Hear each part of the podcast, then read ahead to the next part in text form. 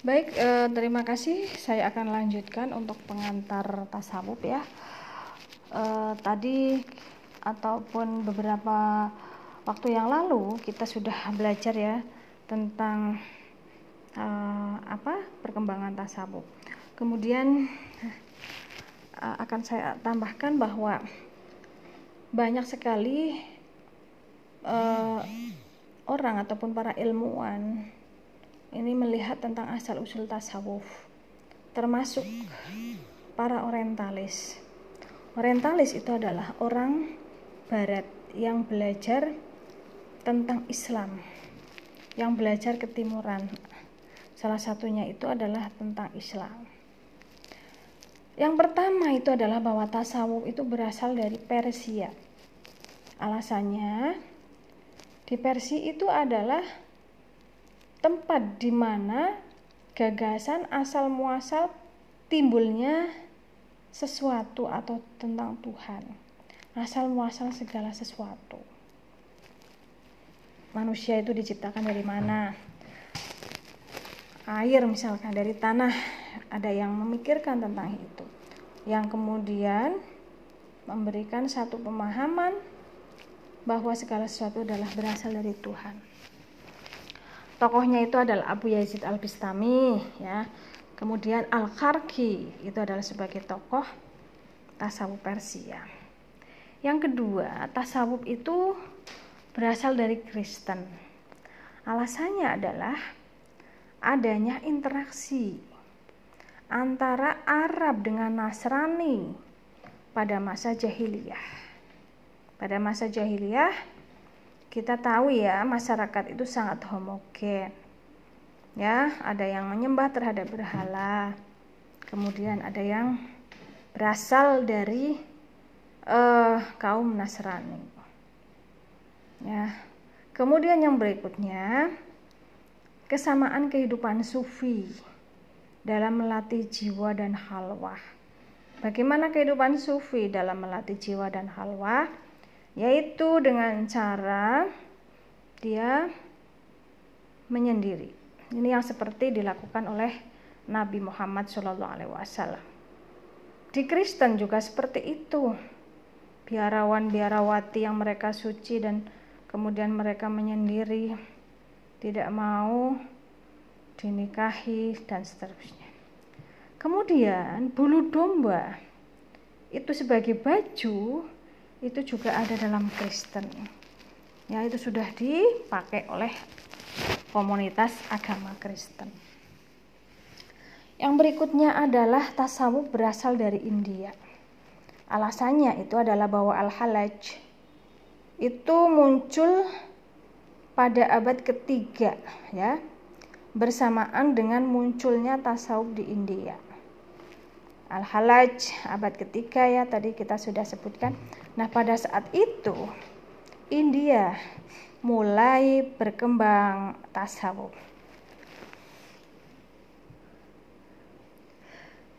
Kemudian yang berikutnya bahwa tasawuf itu berasal dari Yunani.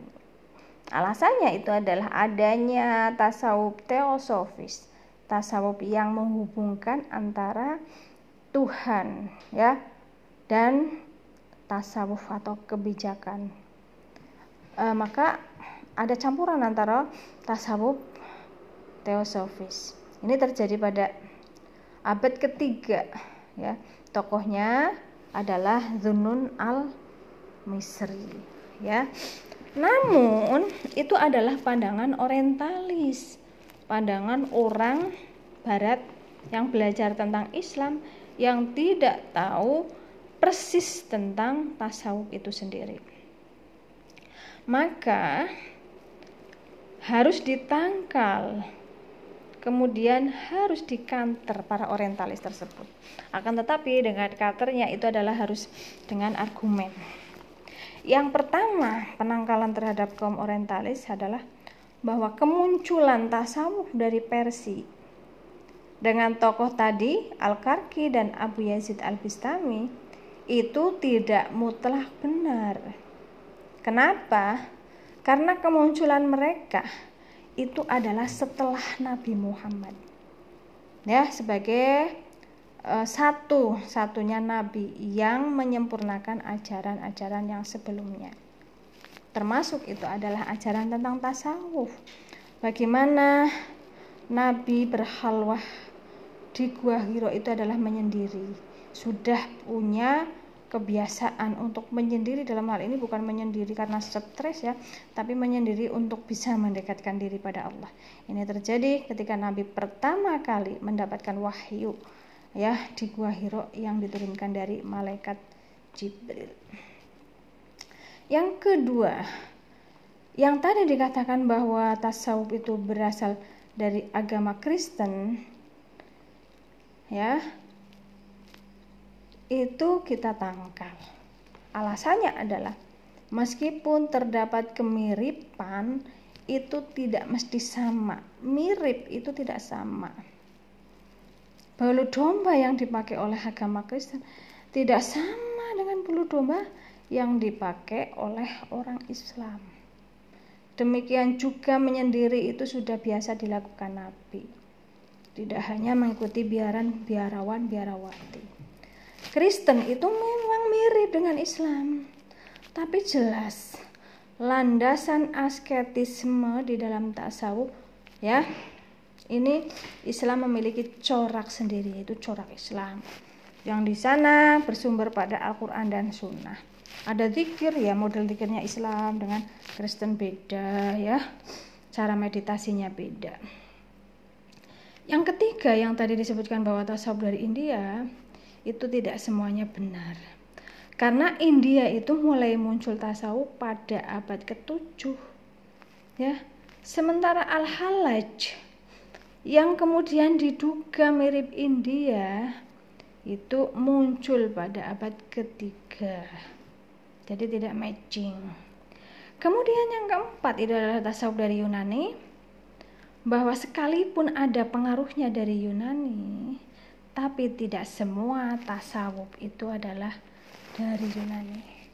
Islam punya sumber-sumber tasawuf sendiri yaitu Al-Qur'an. Ya, yang kedua ilmu-ilmu Islam yaitu hadis, fikih, juga naf nahwu.